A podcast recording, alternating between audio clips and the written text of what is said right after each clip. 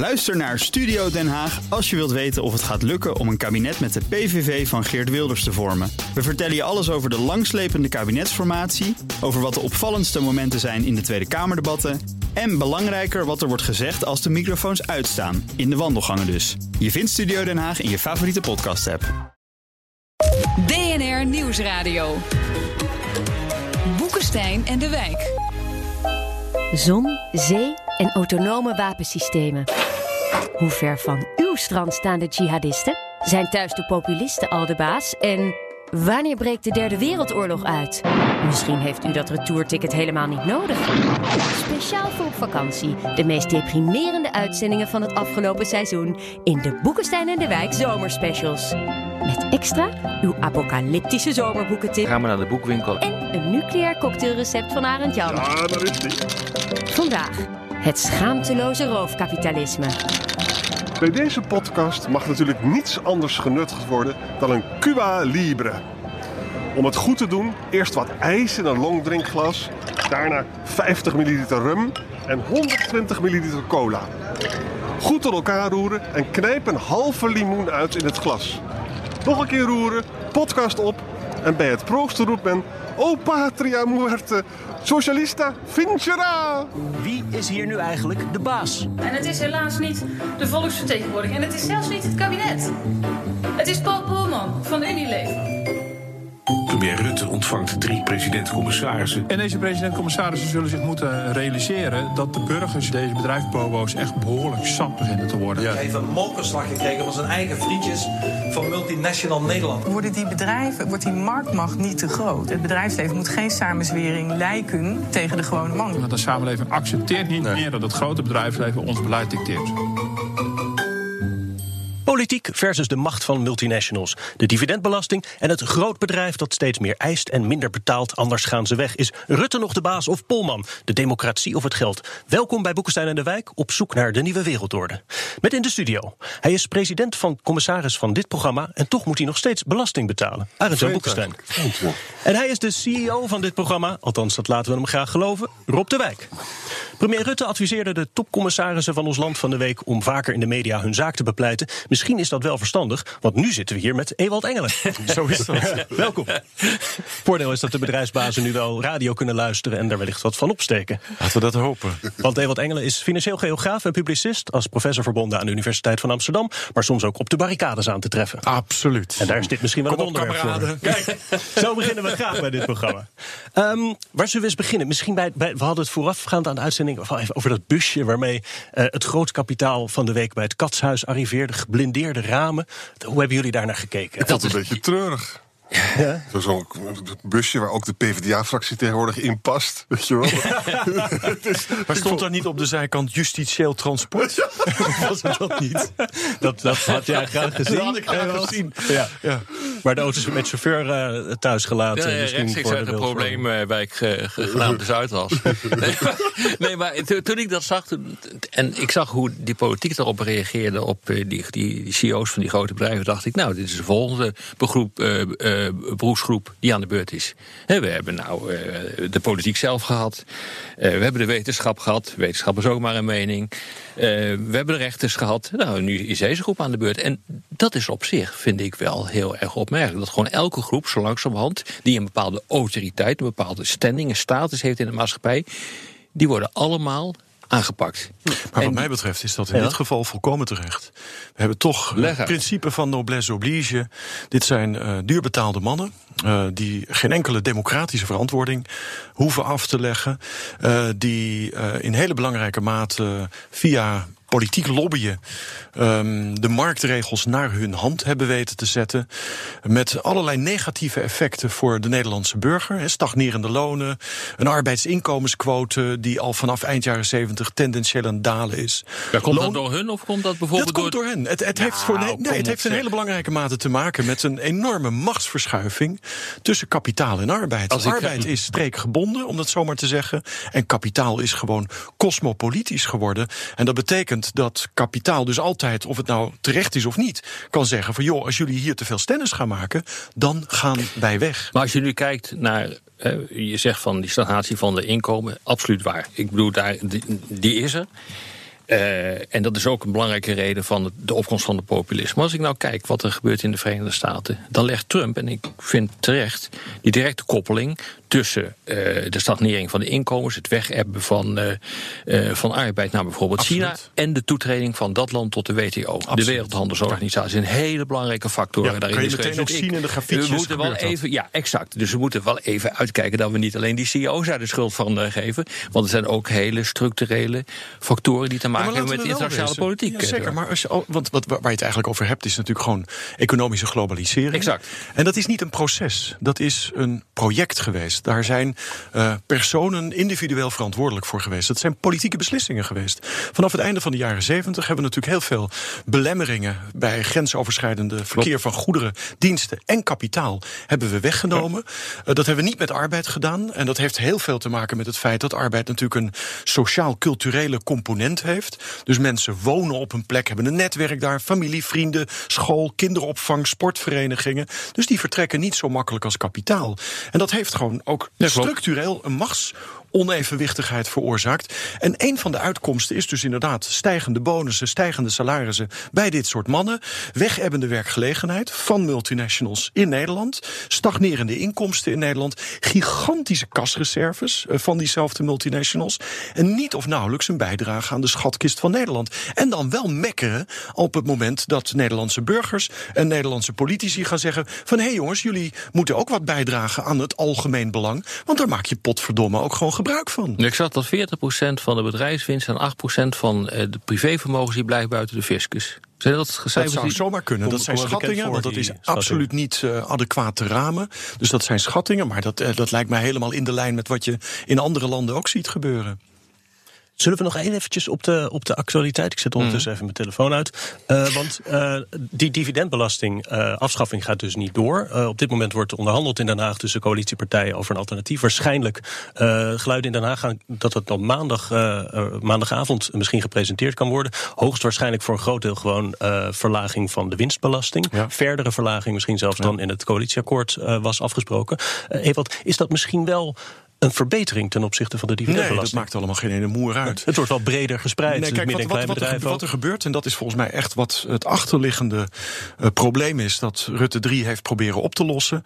Eh, vanuit de OECD en dus ook vanuit de Europese Unie is er in toenemende mate druk uitgeoefend op de lidstaten om allerlei ontwijkingsroutes die multinationals gebruikten om eh, hun, hun belastingdruk zo laag mogelijk te houden, om die aan te pakken. Nou, Nederland is een gigantisch belastingparadijs, met name voor eh, multinationals. En dat loopt via allerlei eh, ontwijkingsroutes. Nou, een aantal van die ontwijkingsroutes heeft Rutte 3 eh, moeten sluiten. En dat betekent dat eh, re- de respons daarop is dat de tarieven naar beneden gaan. Of dat nou de dividendbelasting is of de vennootschapsbelasting. De tarieven gaan gewoon naar beneden. Waardoor multinationals de facto eh, dezelfde lage belastingtarieven Het is een gaan betalen. ja. Ja. het is in feite het belangrijke verschil tussen reële tarieven en nominale tarieven. Maar- maar kan op papier kan er 25 staan, maar feitelijk betaalt eh, de multinationals 5 of 6 procent. Nou, we gaan dus nu die beweging maken naar lagere belastingtarieven. Maar het grote verschil is natuurlijk, kijk, bij die dividendbelasting was het duidelijk. Dat was een soort fiscale compensatie hè, voor de ah, buitenlandse aandeelhouders. Britse feit- aandeelhouders? Voor, de Britse, voor het feit dat we hier beschermingsconstructies hebben. En daarover straks meer. Maar als je dus de vennootschapsbelasting doet, dan heb je ook dus de directeur eh, aandeelhouder. Dus gewoon een, een kleine man die een bedrijf heeft dat groeit. Die kan dan ook, eh, min, hoeft ook minder belasting te betalen. En laten we wel bedenken. Eh, belastingen zijn hele rare dingen. Die worden uiteindelijk allemaal door mensen betaald. Hè. Als een bedrijf meer belasting gaat betalen, dan kan, kan het niet in, in investeringen doen. Het kan het ook niet in loonverhoging doen. Hè. Dus met andere woorden, het is altijd ontzettend belangrijk dat je bedrijvigheid goed eh, bedient. Maar dan moet het wel zo zijn dat het eerlijk is ten aanzien van andere dingen. En ik vind dus met die vennootschapsbelasting, dan heb je dus die vreselijke uit elkaar spelen van het kleine middenbedrijf tegenover het groot kapitaal, valt dan weg. En dat was natuurlijk de veel betere route. Eén ding wat ik heel interessant vond, bij, dat vond ik zo interessant. We hebben in Nederland fameuze beschermingsconstructies. Dat betekent dat je niet zomaar overgenomen kan worden. Die zijn niet waterdicht. Dat zijn, zijn eigenlijk een soort uitzondering op het kapitalisme. In, in Londen of in New York, dan word je zo overgenomen. Kan ook een springhaan betreffen. Hè. Nou, AXO, heeft helemaal niet een briljant beleid gevoerd afgelopen tien jaar. Maar die jongens die wilden wel graag die beschermingsconstructie gebruiken. Want dat, die hele managementlaag weet dat ze ook weg zijn bij een overname. Dus we zagen hier dus binnen het Nederlandse kapitalisme, ook binnen die dividendbelasting, dus ook een, juist een soort socialisme binnen het bedrijfsleven. Dat is ook Het is een beschermen van je eigen baan. En dat vind ik eigenlijk kwalijk. Want Het is eigenlijk een verzorgingsstaat voor het Old Boys Network. Exact. Ja, exact. Ja. En, en een overname van Axo zou namelijk wel degelijk kunnen leiden tot eh, meer banen. Eh, betere lonen en zo. Het hoeft niet als een springkaan. Nou, ja, want ik betwijfel dat hoor. Kijk, ik ben, ik ben het eens met belasting is inderdaad iets wat opgehoest moet worden door de consumenten. Maar wat we de afgelopen 10, 15, 20 jaar hebben gezien, is dat eh, de belastingdruk voor multinationals enorm naar beneden gegaan is. Dat door globalisering eh, de loonkosten als component in de totale kostenstructuur van multinationals ook enorm verlaagd is. En dat we dus gigantische winsten hebben. Want de kasreserves die zijn werkelijk exorbitant. Die zijn historisch gezien nog nooit zo hoog geweest. En wat doen multinationals ermee? Die investeren dus niet. Kijk, de officiële legitimatie is van ja, dan gaan ze investeren. Maar dat doen ze niet. Maar wat wil je dan met wat die- doen ze? Wat ze, ze kopen hun aandelen terug, zodat de bonussen van de CEO's alleen maar omhoog gaan. Er worden overnames gedaan. Massaal. We hebben vorig jaar de hoogste totale waarde aan overnames mondiaal gezien. Waarvan we weten empirisch dat 70% is weggegooid geld. Dus er worden gewoon volkomen zinloze dingen mee gedaan. En dan doemt dus de vraag op, en ik vind dat een hele relevante vraag, die volgens mij ook gewoon internationaal beantwoord moet worden. Die kasreserves, die moet, daar moet iets mee gedaan worden. En laten we daar nou niet domme dingen mee gaan doen als overnames en aandelen terugkopen. Maar wie hoe is- kunnen, nee, we, maar wie is hoe nou- kunnen we werkgelegenheid Ja, creëren? maar wie is we? Want dit is dus niet een probleem. Dat, Dat is een enorm collectief handelingsprobleem, dus ik weet en, we ook en- niet. Nee, en collectief is niet, laten we zeggen, Nederland. Maar collectief is collectief Nederland met de rest van de wereld. Want anders ga je dit toch Nou, in alle landen doen? ja, het is niet de rest van de wereld. Want volgens mij zijn het vooral Europese en Noord-Amerikaanse multinationals die hiermee te maken hebben. En, en het daar doemt dus inderdaad wel de vraag op: hoe zorgen we ervoor dat die kasreserves op de een of andere manier weer in de reële economie ingezet gaan worden? En dat kan dus inderdaad via loonsverhogingen, dat kan via belastingverhogingen, of dat kan via simpelweg de plicht om dat gewoon zinvol te investeren. Maar dan moet, ja, maar dan moet je gaan nationaliseren. Nou ja, dat zou inderdaad één van de oplossingen zijn. Maar ik zou dus inderdaad gewoon heel graag zien. Kijk, we hebben in Nederland heel lang een zogenaamd Rijnlands model gehad. Waarbij dus ook de factor arbeid een, een zekere mate van zeggenschap had over het strategische beleid van multinationals. Dat hebben we in de jaren negentig hebben dat langzaam afgebouwd. Omdat we wilden voldoen aan de eisen die Anglo-Amerikaanse beleggers stelden. Maar wellicht dat je weer kan denken aan een Rijnlands model 2.0. Waarbij je dus ook andere partijen aan tafel krijgt. Die dus gaan iets, gaan, iets, gaan, iets zeggen gaan krijgen over de besteding van die gigantische kasreserves. Want dat is gewoon een probleem. Hè? Je ondergraaft. En jullie zijn rechtse mannen, neem ik aan. Het ondergraaft. Ik ben rechts, Wolf. Ik heb geen idee. Ja, oké, maar in ieder geval- in ieder geval- een moeilijk momentje in de uitzending, dit merk ik. Maar dit, dit, dit, dit is een levensgroot probleem. Wat uiteindelijk ook de legitimiteit van het kapitalisme ondermijnt. Nou, Ewald, luister, luister eens. Want dit is, dit is de bron van het, van het Trumpisme. het is Het heel- is de bron van het populisme. Het is heel interessant dat, eh, dat de FT de, de laatste jaren ook hele kritische artikelen Absoluut, over Martin Wolf. Martin Met name. Wolf, hè, dat was een hele mooie Ja, artikelen. daar ook zorgen. En het is duidelijk dat die lonen moeten omhoog. We leven in een wereld waarbij zelfs eh, de, de president van de Nederlandse bank zegt dat de lonen omhoog. Dat, Ja. dat waren we 20 jaar Vakbonden geleden. hoor je niet, maar de Nederlandse bank wel. Dus dat is een probleem. Vakbonden zijn zwak. Eh, de rente is krankzinnig laag, waardoor er dus ook allemaal eh, niet renderende investeringen. Wordt, wordt, wordt investeringen gaan niet, niet goed over nagedacht is. Dat leidt ook niet tot veel banen. Hè? Dus veel heeft te maken ook met de monetaire situatie. Maar jongens, één ding: hè. Eh, nationaliseren is geen goed idee. We moeten de, kijk, het goede van het kapitalisme is die allocatieve efficiëntie van die productiemiddelen. Dat is, on, dat is echt heel goed. Hè? Nou, dat vind, ik, dat vind ik echt ontzettende flauwekul.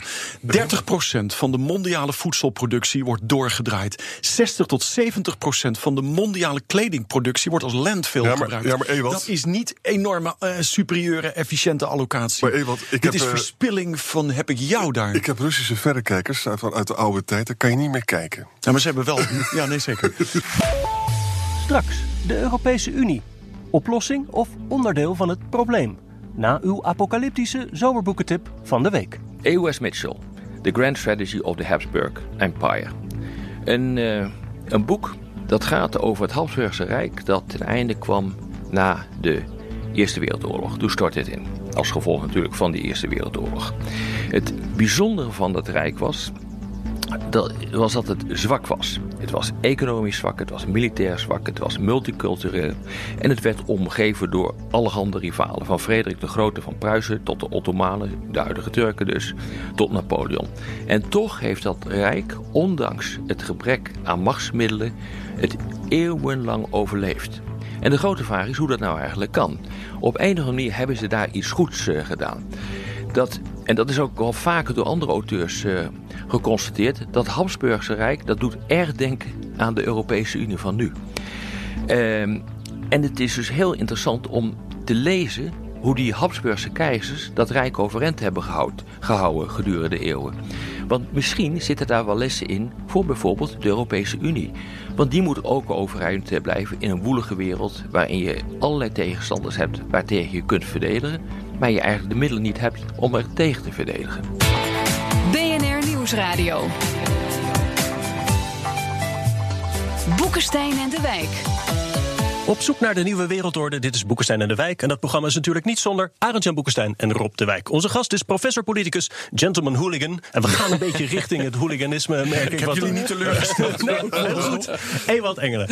Um, we hebben het over de macht van het grootkapitaal. En we gaan in het tweede deel van dit programma altijd een beetje naar, naar oplossingen toe. Nou, de eentje hebben we al gehoord, nationaliseren. Maar Ewald, ik had nog een vraag over wat jij zei over uh, globalisering uh, eerder in de uitzending. Ja. Dat het is natuurlijk uh, beleid geweest, lange Ja. tijd. Het is gepusht. Ja. Heeft het niet ook te maken met, met technologie? Ik bedoel, het gaat nu vooral via internet natuurlijk. Dat is ook iets wat je niet zo snel terugrolt. Ook als je er een andere ideologie over 40% van de banen gaat, eh, gaat verdwijnen. Ja, daar ben ik het niet helemaal mee eens. Maar goed, dat, eh, dat is weer een ander verhaal. Nee, technologie heeft er natuurlijk een rol bij gespeeld. Maar je moet één ding niet vergeten: hè, dat de, de, de technologie van de globalisering is eigenlijk enorm ehm, laag bij de grond. Het is de container. Ehm, eh, dat is echt een absoluut cruciaal element geweest in het mogelijk maken van de globalisering. Het is het, eh, het, eh, het, de, de, de mogelijkheid om in real time eh, de container met de barcode te, te, te tracken waar dat is. Ja, met al onze Het troep vanuit China eh, die, System. eh, ja. En, eh, en het is natuurlijk ook gewoon Pax Americana. Het is het veilig houden van onze zeeroutes die globalisering mo- mogelijk gemaakt heeft. Want al die grote containerschepen, Mhm. die moeten wel veilig eh, om, de, om Kaap de Goede Hoop eh, heen en dan naar de kusten van de Verenigde Staten.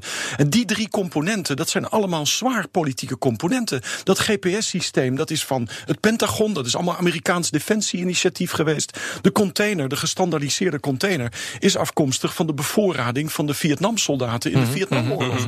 Dus het is allemaal door en door politiek. En dan kan je wel zeggen, internet, ja, internet is inderdaad belangrijk. Daar doen we van alles mee. Alhoewel je natuurlijk ook op het moment dat je kijkt naar wat het daadwerkelijk doet. Het is een soort digitale weekkampcatalogus annex postkantoor geworden. En eigenlijk heeft het in termen van daadwerkelijke productiegroei niet zoveel teweeggebracht. Dat is Maar- het maar grote raadsel op dit moment in de economie. Maar er is ook een grote strijd met het staatskapitalisme aan de gang. Hè? Het is onze vorm en het staatskapitalisme. En dat is, dat is eigenlijk volgens mij nog een groter probleem. Eh, en de- het staatskapitalisme kan natuurlijk je, nog China? veel meer. Ja, one belt, Maar one nou- road. nee, dat is helemaal wat Leuk. Als je nou diezelfde president-commissarissen vrijdag naar het torentje ziet gaan, of god mag weten waar ze heen gingen, maar in ieder geval het katshuis. Dan moet je toch constateren dat Nederland ook staatskapitalisme is. Ik bedoel, als je kijkt naar de lobbyactiviteiten van Nederlandse multinationals om die dividendbelasting Maar wat is er te mis krijgen. met lobbyactiviteiten? Nee, maar het, het, het punt wat ik wilde maken is dat het staatskapitalisme is. Ik vind lobbyactiviteiten wel ingewikkeld, omdat het uiteindelijk natuurlijk gewoon een, nou een parodie maakt van one woman, one vote. Ja, maar hoor nou eens even. Je hebt een Tweede Kamer. Eh, waarbij Kamerleden, nou, ah, Jan kan ervan meespreken, een, een halve FTE hebben om ze te ondersteunen. Ik bedoel, daar zit 0,0 kennis op een hele hoop eh, gebieden. Deze Kamer, die we nu op dit ogenblik hebben, zeker met het weghebben van, eh, van kennis uit die Kamer, omdat eh, de zittingstermijnen zo kort worden van die Kamerleden, betekent dat een Kamer per definitie enorm belobbybare wordt. Want op een andere manier kunnen ze gewoon niet meer aan hun kennis komen. Daar zit echt een heel groot wezenlijk probleem in onze democratie, dat die Kamer niet goed functioneert. Er wordt oeverloos wordt er eh, ook in het verleden gediscussieerd om eindelijk eens een keer weer kennis in die Kamer te krijgen. Dat lukt dus niet. Dus wat, wat krijg je? Hoorzittingjes. Nou, hup, een uurtje weer eh, Ja, praten. Ik heb dat tientallen keren gedaan in de Tweede Kamer. Belangrijk, maar als ik, er, als ik eruit ga uit zo'n hoorzitting, dan denk ik altijd. Oh mijn god, eh, kan hier niet meer kennis Maar ik, zijn? ik zie dit uiteindelijk toch als een onderschrijving van mijn waarneming dat het lobbyen wel degelijk een probleem is. Want jij ziet het ook als een probleem.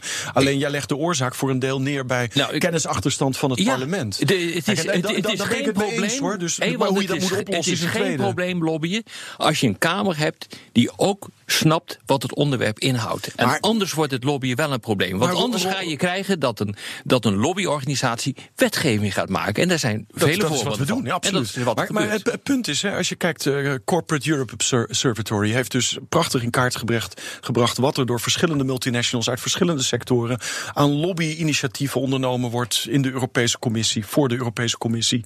En dan zie je dat het eh, verschil in termen, termen van hulpbronnen tussen NGO's aan de ene kant en de multinationals aan de andere kant is gigantisch. het is een factor 10.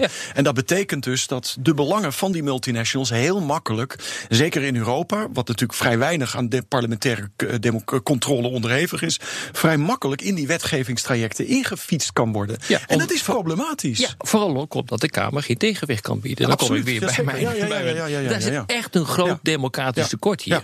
En het heeft gewoon te maken met het ontbreken van kennis in de Kamer. Bovendien, als ik dat ook zie, hè, eh, dus die, die lui die komen in die busjes aanzetten. Dat zijn allemaal mensen van, nou wat zal het zijn, 50, 60 jaar die daarin zitten. Als je nu kijkt wat, aan, eh, wat, de wat de gemiddelde leeftijd is van fractievoorzitters, zijn allemaal millennials. Die is sinds deze week wat omlaag gegaan. Ja. Ja, deze week is hij weer met het eh, 31 jaar is de nieuwe fractievoorzitter van, eh, van D66.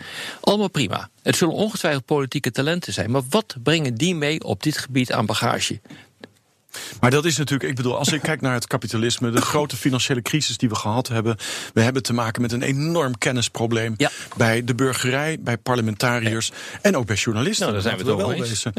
En dat, eh, en dat, maar, maar, maar, en dat zit uiteindelijk, ik bedoel, we hebben het natuurlijk vanmiddag over vanochtend, wanneer wordt het uitgezonden? We hebben het vanmiddag vanochtend hebben het over eh, financieel-economische vraagstukken. En met name dit soort vraagstukken, die worden ook aan universiteiten heel erg monodisciplinair, Ja, monoparadigmatisch behandeld. En daar zit in Nederland, met name in Nederland, ook een groot probleem. Al die economen, die dus experts zijn op dit soort vraagstukken, kijken met diezelfde bril op van perfecte markten, kijken die naar dit soort vraagstukken. en we hebben dus veel meer twistgesprekken, veel meer contestatie. Ja, en volgens mij ook heeft het niks die... met economie te maken, dit. Ja, maar even de andere... Nee, uiteindelijk niet. Nee, maar dit gaat over, dit gaat over macht, dit gaat over politiek. En dat noemen we van oudsher politieke economie. Dat is wat Adam Smith deed, uiteindelijk. Maar even ook de andere kant. Hè, van alle natiestaten vechten om multinationals binnen hun grenzen te halen. Want dat is- willen ze liever wel hebben dan niet. Want het levert. idee eh, waarom, overigens. Ja, maar nee, wacht even. Er, er werken, er, werken veel mensen. Ja, maar dat is helemaal niet waar. En als je met die mensen praat. Het is nee, niet waar. nee, maar er werken wel mensen. Er werken wel mensen. Ja, dat is één. Laten we Ja. twee. Ja. Het tweede is Al, al dat. werken er maar twee, dan werken er mensen. Nee, maar, dat, dat, is, maar dat, is onzin. Er werken duizenden mensen bij Unilever en bij Shell. Ja, maar het is ongeveer Nederlandse multinationals. Het is 9% van de Nederlandse Geweldig werkgelegenheid. artikel in de New. York Times van twee weken geleden. Gelezen? Fantastisch. Nederlands als belastingparadijs. Er wordt eigenlijk gezegd, het is eigenlijk een belastingparadijs zonder palbomen en zonder corruptie. precies, Dat ja. is eigenlijk gewoon wat het, Ja. eh, wat het is. En we hebben er En nog één, dat is Luxemburg. Ja. En, en hierin wordt gezegd in de New York Times, het werkt fantastisch. En, en er is nu ook een debat in Nederland, precies het debat die wij nu voeren. Of de vraag van of dit ethisch nog wel verantwoord is, Precies, wat we aan het doen zijn. Zou Europa een oplossing kunnen bieden voor die, die belastingconcurrentie in elk geval binnen de Europese Unie? Als je daar een soort minimum Ja, je zult, je zult het gezamenlijk moeten doen. Of dat nou EU heet of een ander vorm. Maar je zult het gezamenlijk moeten doen, want anders gaan Maar landen EU gewoon naar een ander Maar land toe. EU is ook nog te klein daarvoor. Hè. Binnen de OECD zijn dingen, dat is eigenlijk ook nog te klein. Voor dit soort dingen heb je een wereldregering nodig. En de ellende is, die zullen we nooit krijgen. Nou, hartelijk gefeliciteerd aan en, Jan. en, en het tweede punt is, belastingconcurrentie is niet alleen maar verkeerd. Hè. Bedenk goed dat elke belasting die betaald wordt door bedrijven... wordt uiteindelijk door mensen opgehoest. Hè. Die het, je je kan niet aan een loonsverhoging uitgeven... of aan, eh, aan investeringen. Dus met andere woorden, er moet ook een systeem zijn... dat, dat flexibel is. Er komt nog iets anders bij. De lijst van top 10 bedrijven in de wereld is niet statisch. Die vechten op leven en dood met elkaar. Dus er is wel degelijk ook concurrentie daarbinnen. En dat leidt er dus ook toe dat mensen producten kopen die ze, die ze hebben willen. Dus niet alleen maar, het is niet alleen maar fout wat er gebeurt binnen het kapitaal. Er verandert wel echt iets in de discussie. hè, Nee, als ik maar nu het de, het wordt volgens hoor. mij nog veel erger. Ik bedoel, wat we nu bespreken wordt alleen maar erger als China inderdaad gaat doorbreken. Ja. want we weten gewoon dat het land dat nummer één wordt in de technologierace, dat is in de 19e eeuw geweest met de Britten, 20e eeuw met de Amerikanen en nou, misschien in de 21e eeuw met, de China, die met China, die bepaalt de mondiale economische technologische standaarden. En die feitelijk bepaalt ook hoe die economie wordt vormgegeven. En staatskapitalisme En is dat echt is rauw cowboy-kabbalisme. Ja, we hebben, ik- wat mij betreft hebben we zelf ook staatskapitalisme. En, en een van de fascinerende dingen is dat als je kijkt naar de mondiale markten, dan is 60 tot 70 procent is in handen van Europese en Amerikaanse multinationals. En ik moet het nog zien hoor, of Chinese multinationals zo ontzettend makkelijk toegang krijgen tot diezelfde markten. Zeker ook gezien het feit dat ook onze multinationals makkelijk, kijk naar vrijdag, het eh, katshuis met Rutte kunnen binnentreden en de Nederlandse staatsmacht kunnen gebruiken om hun belangen te dienen. Daar moeten we het bij laten, jongens. Dit was weer uh, Boekenstein de Wijk op zoek weer naar een, ja, misschien wel post-neoliberale wereldorde. Hebben we daar al een woord voor? Ik zie Ewald knikken, dus dan is het goed. Nou, we zagen Jan Boekenstein en Rob de Wijk. Zeg ik dank voor het luisteren. Speciale dank aan Ewald Engelen. Boekenstein en de Wijk is elke zaterdag om 11 uur op de radio. Maar wanneer u maar wil, online via iTunes, Spotify of de BNR-app. Abonneert dus op de podcast en daar kunt u ook reageren. Tot volgende week. BNR ben je altijd als eerste op de hoogte van het laatste nieuws. Luister dagelijks live via internet. Bas van Werven. En heel langzaam komt de zon op rond dit tijdstip. Je krijgt inzicht in de dag die komt op BNR, het Binnenhof in Nederland en de rest van de wereld. De Ochtendspits. Voor de beste start van je werkdag. Blijf scherp en mis niets.